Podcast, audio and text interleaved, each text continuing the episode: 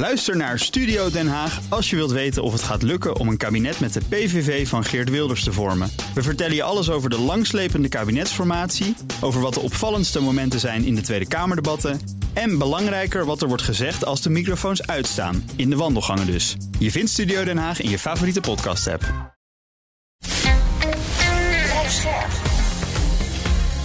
BNR Nieuwsradio.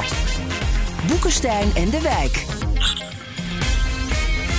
Hugo Reitsma. Welkom bij Boekenstein en de Wijk. Het is woensdag, dag 462 van de oorlog in Oekraïne. En we beginnen deze update met de vraag: waar is Rob vandaag weer? die zit in Bratislava bij de Klopzak-conferentie. En normaal gesproken beginnen we altijd op de grond. Ja. Uh, omdat daar het meeste nieuws in zit. En nu moeten we eigenlijk gewoon in Bratislava uh, beginnen. Want hier wordt nu gewoon nieuws gemaakt op dit ogenblik. Mm -hmm. is een conferentie uh, van ministers. Veel staatshoofden zijn hier. premiers. van met name de Midden- en Oost-Europese landen. En wat we vandaag hebben gezien is dat von der Leyen een speech heeft gehouden. En die heeft die potverdorie nog gewoon een nieuw initiatief gelanceerd. Om eh, de westelijke Balkan zo snel mogelijk zo dicht bij de Europese Unie eh, te trekken. Hm. Dat moet via regionale integratie. Uh, we moeten natuurlijk uh, gaan kijken naar uh, hoe de fundamenten van de Europese Unie in elkaar zitten en hoe we dan die landen daarin pluggen. het is buitengewoon belangrijk om fondsen daarvoor beschikbaar te stellen. Er moet gewoon geld worden gefourneerd om die landen op te krikken, zodat ze echt zo snel mogelijk echt lid kunnen worden. En er moeten natuurlijk ook eisen worden gesteld aan die landen op het gebied van rechtsstatelijkheid en democratie. Het is echt gewoon een een belangrijk initiatief dat ze hier heeft uh, gelanceerd. Dat heeft eigenlijk alles te maken met de oorlog in Oekraïne. En dat zei ze ook uh, op die manier.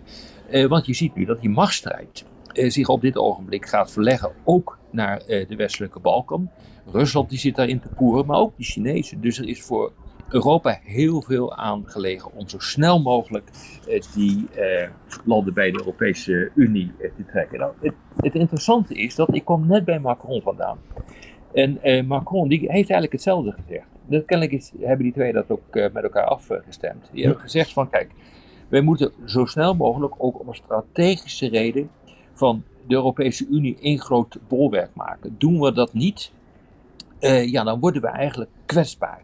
we worden kwetsbaar voor, voor Rusland, maar we worden ook kwetsbaar voor China, hoewel die dat met, niet met zoveel woorden heeft gezet. En wat die kwetsbaarheid inhoudt, zegt Macron, is dat uh, hij zegt: wij moeten niet uh, in de situatie uh, komen waarin we voor de tweede keer binnen een eeuw gekidnapt worden. En hij bedoelt daarmee eerst door Hitler en nu door, door Poetin. Hij was daar nogal, nogal hard in. Zo. En dus hij komt ook eigenlijk met dezelfde aanbeveling.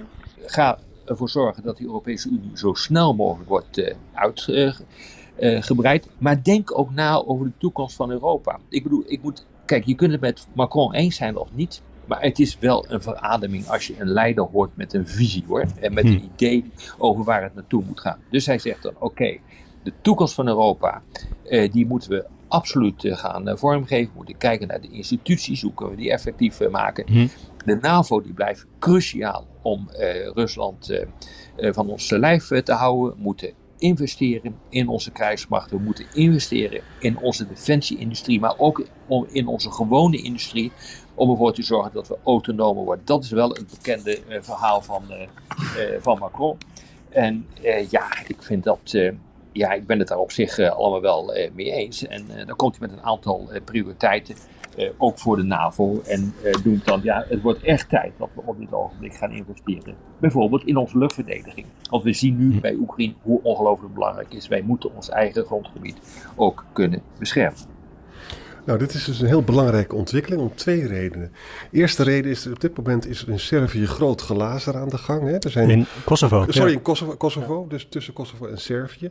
Het oude verhaal. En er zijn 700 extra NAVO-troepen naartoe. Dus hier zie je dus dat als Servië blijft bungelen... Dat, dat de huidige status quo niet aangenaam is. Ook trouwens de Russische en de Chinese invloed wordt daar steeds sterker. Tweede reden is dat in het Nederlandse parlement is er altijd een, een heel stom spelletje met name door de rechtse partijen. En zeggen van ja, we moeten die uitbreiding moeten we zoveel mogelijk tegenhouden. Want het zijn allemaal mensen, het zijn allemaal vrouwenverkrachters en drugsdealers en weet ik al, vrouwenhandel. Moeten we allemaal niet doen. Terwijl wij eigenlijk in de podcast veel vaker al gezegd hebben van luister eens, we hebben liever ze bij ons dan dat die Chinese en de Russische invloed steeds sterker wordt. Hè? Dus met andere woorden, er is in Nederland heel weinig van dit von der Leyen en macro-denken mhm. terug te vinden. En dat is heel nou, dat is een, echt een groot probleem, Arend Jan, van, uh, van Nederland. Het, de debatten zijn buitengewoon oppervlakkig, door de bankromen slecht geïnformeerd. Uh, we zien dat echt overal gebeuren in alles wat zich maar bemoeit met, uh, met die debatten. En er zit weinig achter. Overigens, dat is toch wel interessant, want ik heb meerdere malen hier de vraag uh, gekregen van wat zit er nou eigenlijk achter dat hele idee om F-16's naar uh, Oekraïne te sturen? Hm. En, en, is ook nagedacht over de consequenties ervan? Nou, ik moet daar het antwoord op schuldig uh, blijven. Dat, dat, dat is er niet. Ehm, eigenlijk wordt er gezegd van als Oekraïne iets wil, dan leveren we dat. Ja, maar dat is geen strategisch denken. En dat is precies ook het grote probleem wat iedere keer weer naar voren komt op zo'n conferentie. Het is, het is bijna onmogelijk om, als het gaat om Oekraïne, om heel strategisch te denken. En daarom vond ik uh, Macron zo verademing, want die doet het namelijk wel. En, by the way, von der Leyen deed het ook. En tegelijkertijd, jongens, dat kunnen we hier wel aan verbinden waarschijnlijk. Waar ik echt van geschrokken ben erop, is dat China, de Chinese minister van Buitenlandse Zaken, die steunt nu gewoon Servië in dat Kosovo-dispuut. Is gewoon gebeurd. Ja. Waar we bij staan. Hè? Ja. Dus die poken de spanningen, die, er zijn enorme spanningen tussen de Serviërs en de Albanese in Kosovo uh, aan de hand. En dan gaat dus China, China zegt gewoon van, ja, ik vind dat Servië gewoon in zijn recht staat. Dat was gewoon de soevereiniteit van Servië. Die erkent dus Kosovo ook helemaal niet. Mm. Dus ik, ik vind dat niet uh, prettig, jongens. Wat die zijn natuurlijk ook niet zo fan van afvallige provincies uh, daar in China. Is dat het dan? Ja. Inderdaad. Nou ja, maar goed, uh, niet iedereen heeft Kosovo erkend. Dat geldt ook voor Spanje. Die heeft ook nog een uh, akkefietje met, uh, Catalonië, ja. met afvallige delen van het, van het Rijk. Dus ehm, ja, dus dat, dat, is wel een punt hoor. Huh. Ja. Hey, zullen we even door naar de situatie op de grond? En dan denk ik misschien dat we toch nog eventjes moeten beginnen in Moskou met die grote drone-aanval daar gisteren. Met uh, geen slachtoffers volgens mij, weinig schade, maar toch wel behoorlijke impact dat dat gewoon kan. Ja. Er staan nu wat getallen in de New York Times. Er zijn dus in, in Moskou zijn er twee uh, systemen die ze daar hebben. De Pantsir I en de, en de I, I1. Hè. Nou, die haalden vijf van de acht drones hebben ze neergehaald. En die andere drie, als dit dus de waarheid is, hè, hebben ze door met radio-elektronische jamming hm. van het POL 21 systeem hebben ze dat dus uh, geblokkeerd. Nou, dat, dat klinkt allemaal positief. Of het waar is, weet ik niet. Maar de, kijk, volgens mij hier nog steeds het belangrijkste is dat de Russen schrikken zich kapot. De Russische bevolking schrikt zich kapot hiervan. Ze voelen zich niet veilig. En dat wordt bij, voor Poetins bordje gelegd. Hè. Ze voelen nu voor het eerst de oorlog. En dat kan dus de bezwaren van mensen tegen die oorlog versterken. En dan heel misschien gaan ze dan naar de straat of zo. Dat, ik denk dat dat het belangrijkste dat zal, Ja, ik, ik denk het wel. Ja, ja, je toont aan dat je leider niet in staat is om jou te beschermen. En dat is uh, de grootste doodzonde die een leider kan maken. Ja. Dus in, in die zin is het ontzettend handig, wie er ook achter zit, uh, om die aanvallen op, uh, op Moskou te doen. Ja. En uh, wat interessant is, die, die gekke Lindsey Graham, ken je nog die, die senator? Mm. Hè? Nou, die is net in Kiev geweest. En die wordt dan gebeld door journalisten, het staat allemaal in de New York Times. En, uh, en dan zegt hij, ja, ik heb bij Zelensky op schoot gezeten. Die heeft me verteld uh, al zijn militaire plannen. Dus ik zal een, een beetje korreltje zout erbij doen. Hè. Maar er komt een, grote uh, display van macht aan, zegt hij. Hè. Het gaat allemaal gebeuren. Hij weigert natuurlijk te zeggen wat het dan allemaal is. Hè. Maar het gaat om het terugpakken van strategische locaties. De vraag van kunnen ze alles terugpakken beantwoordt hij gewoon niet. Hè?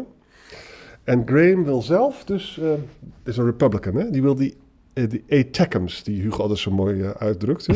die wil die geven aan Oekraïne. En hij gelooft ook dat Amerika die ATACMS wel, zelf wel kan vervangen. Want je weet, er is een heel, heel debat daarover. Nou kijk, wat we daarmee moeten, weet ik niet.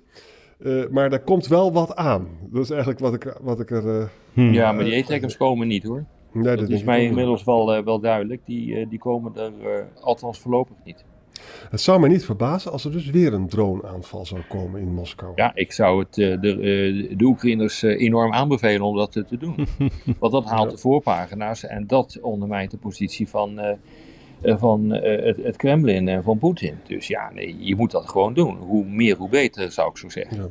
En het is ook om een andere reden nog verstandig. Die effectiviteit van die pansier en van die poolsystemen hè, is minder goed in dichtbevolkte gebieden, want daar is zoveel satellietdata dat dat, dat apparaat zich verslikt als het ware. Hè. En, dan, hm. dan komt er dus meer, uh, dan kunnen ze, ja, dan komt er meer doorheen. Ja. Mhm. Het is wel interessant allemaal. Ja. Vandaag zag ik meer drone-aanvallen in de regio Krasnodar op twee Russische olieraffinaderijen, waarvan er in ieder geval één in brand is gevlogen. Um, oh, en interessant vond ik nog dat de Britse minister van Buitenlandse Zaken, James Cleverly, die heeft gezegd dat Oekraïne principieel het recht heeft op zelfverdediging om ook buiten zijn eigen grondgebied uh, dit soort dingen te doen. Iets waar volgens mij de Amerikanen toch echt anders tegenaan kijken. Nee, de Amerikanen kijken daar juridisch niet anders tegenaan, die kijken er strategisch anders tegenaan. Die zeggen als je dat met onze wapensystemen doet, dan is er een kans dat de boel gaat escaleren en wij willen absoluut het conflict zo regionaal mogelijk maken. Dat heb mhm. ik ook in Bratislava verschillende malen achter de schermen in de wandelgangen uh, gehoord. Dat wordt natuurlijk niet uh, gezegd uh, op, het, op het toneel, maar dat wordt gezegd achter de schermen. En ja, je moet het klein houden. Dat is mhm. eigenlijk wat het, mhm. wat het is, want anders moet je gaan, gaan escaleren. Dan komt er misschien een grote oorlog. En wie moet dan die shit oplossen? Dat zijn de Amerikanen en die hebben er absoluut geen zin in. Hm. Ja. En even nog de andere kant van de droneaanvallen, dus op Kiev en zo. Er zijn allemaal artikelen ook over. Bedenk wel, jongens, het mag dan zo zijn dat de Oekraïne er goed in slaagt om ze uit de lucht te halen. Maar de mensen slapen niet meer. Hè? Het is een verschrikkelijke terreur. Hè? En dan heb ik één zinnetje gehoord in die podcast Malcontent: dat er aanwijzingen zijn dat de Oekraïnse luchtafweer in juni. dat, dat dan hun eigen afweer op is. Dat die raketjes die daar aan zitten en zo. Daar word ik niet vrolijk van als ik het hoor. Uh, dat weten we al lang. En uh, dit is ook een van de redenen waarom uh, de Russen bezig zijn met zo'n enorme aanval en zulke enorme aantallen af te schieten, want daarmee put het uit. Dus ja, dat weet. En dan loop je het risico dat de Russen wel de, de baas in de lucht kunnen worden en, en dus effectiever kunnen vechten, toch? Absoluut, dat is ook de hele bedoeling daarvan. Dus het hangt er nu vanaf in hoeverre dus, er nieuwe systemen kunnen komen en nieuwe ja, raketten kunnen komen in Oekraïne om ervoor te zorgen dat dit wordt afgewend. Maar dat is heel erg lastig. Maar goed, jongens, hier praten we al bijna een jaar over. We weten gewoon eh, dat eh, de bevoorrading van eh, munitie, van wapens niet oneindig is. En nu word je daarmee geconfronteerd. Maar het geldt ook voor Rusland hoor, moeten we zeggen. Alleen we weten niet precies. En we zien aan alle kanten dat het de afgelopen maanden minder intensief eh, is geworden. Nu in één klap wordt het wel intensiever hm. eh, door uh, Rusland. Maar we hebben gezien dat het minder intensief is geworden. op het slagveld is het minder intensief geworden. Men spaart ook zijn middelen voor een offensief. maar we weten gewoon niet hoeveel, de, hoe groot de voorraden zijn van beide partijen. Ja. De, verder jongens, het, de dagelijkse cross-borders over de grens uh, shelling. Hè? In, in Koersk en Belgorod, dat gaat bijna elke dag gaat dat door. Hè? Hm. Dus als je dus in Belgorod leeft, hè, dan word je gewoon vanuit Oekraïne word je bestookt. Beschoten. Ja. ja. beschoten. En misschien moeten we ook heel kort even iets zeggen over vrij ongelofelijke gebeurtenissen in Polen. Hè? Oh. In Polen is het gewoon zo dat Duda heeft nu een wet ondertekend, en die is ook door het parlement gegaan, dat ze ja, die wet maakt het mogelijk onderzoek in te stellen naar Russische invloed in Polen. Dat klinkt allemaal heel prachtig, hè? Mhm. Maar de oppositie vreest dat dit om, de wet dient om de oppositie de mond te snoeren voor de verkiezingen dit najaar. En je moet dus goed bedenken dat in Polen is er iets heel geks gebeurd. Hè? Donald Tusk was premier, weet je nog, van 2007 tot 2014. En toen is er een vliegtuigramp gebeurd bij Smolensk in Rusland in 2010, waarbij de top van Polen is omgekomen. Waaronder is de broer van, de, van Jaroslav uh, Kaczynski. Hè? Mhm. Dus die Lech Kaczynski. Nou, dat gebruikt die hele Kaczynski-clan nog steeds. Dat proberen ze in de schoenen van die arme Tusk te schuiven. Wat volstrekte onzin is. Tusk deugt gewoon. Maar deze wet wordt dus misbruikt om te voorkomen dat Tusk misschien weer premier zou willen worden. Dus het is een hele zorgelijke ontwikkeling. Ja. En, en ehm, om misschien nog eventjes terug te komen op waar we begonnen. we hebben natuurlijk zorgelijke ontwikkelingen in landen als Polen en Hongarije met de rechtsstaat.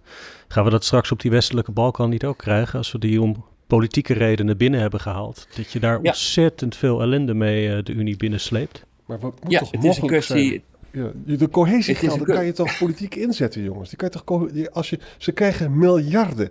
En we onthouden dat nu aan Hongarije en ook aan Polen. En dan heb je dus een hefboom om ze die rechtsstaat door de keel te duwen. Het moet, dat moet je kunnen winnen. Dat is ook precies wat von der Leyen heeft gezegd. Maar dat wil niet zeggen dat het ook volledig lukt. Je hebt dus een, een keuze uit twee kwaden. Wil je totale instabiliteit hebben aan je grens? Eh, doordat uh, Rusland en China uh, zich volledig gaan richten op het destabiliseren van bijvoorbeeld die westelijke Balkan? Of zeg je, we trekken ze erbij, dan hebben we er in ieder geval zeggenschap van en dat van de rechtsstaat. En de democratie nog verder moet worden ontwikkeld, dat nemen we gewoon voor lief. Ja, dat is gewoon eigenlijk waar het om gaat. En dan heb je dezelfde discussie als in de jaren eh, 90 van de vorige eeuw. Eh, toen we besloten om bijvoorbeeld landen als Polen, de Baltische Staten erbij eh, te hebben. Je moet er niet aan denken dat die landen nooit lid waren geworden eh, van de Europese Unie of van de NAVO. We hadden hmm. nu één groot gevecht gehad om invloedssferen in Europa. En dan waren we nog veel verder van huis geweest. Nou, in het klein zien we dat nu ook met de Balkan. En diezelfde manier van denken moet nu ook feitelijk uh, worden toegepast op uh, die westelijke Balkan. En dat gebeurt dus ook. Zie wat Van der Leyen en Macron daarover gezegd hebben. Ik ben het helemaal met je eens, Rob. En dat betekent dus dat Bolkestein had ongelijk toen hij zich tegen die NAVO-uitbreiding uitsprak. Weet je wel, decennia geleden had daar gewoon ongelijk. Je moet er nog niet aan denken dat we de Polen en de, en de Baltische Staten er, er buiten hadden gehouden. Het was een speelbal geworden. Ze kunnen veel beter bij ons uh, horen. En nu moet ik weg. Ja, ja. ga maar snel. En uh, spreken we elkaar morgen. Tot morgen. Tot morgen. Ook Bas van Werven vind je in de BNR-app. Ja, je kunt live naar mij en Iwan luisteren tijdens de ochtendspits. Je krijgt een melding van Breaking News. En niet alleen onze podcast Ochtendnieuws, maar alle BNR-podcasts vind je in de app. Download nu de gratis BNR-app en blijf scherp.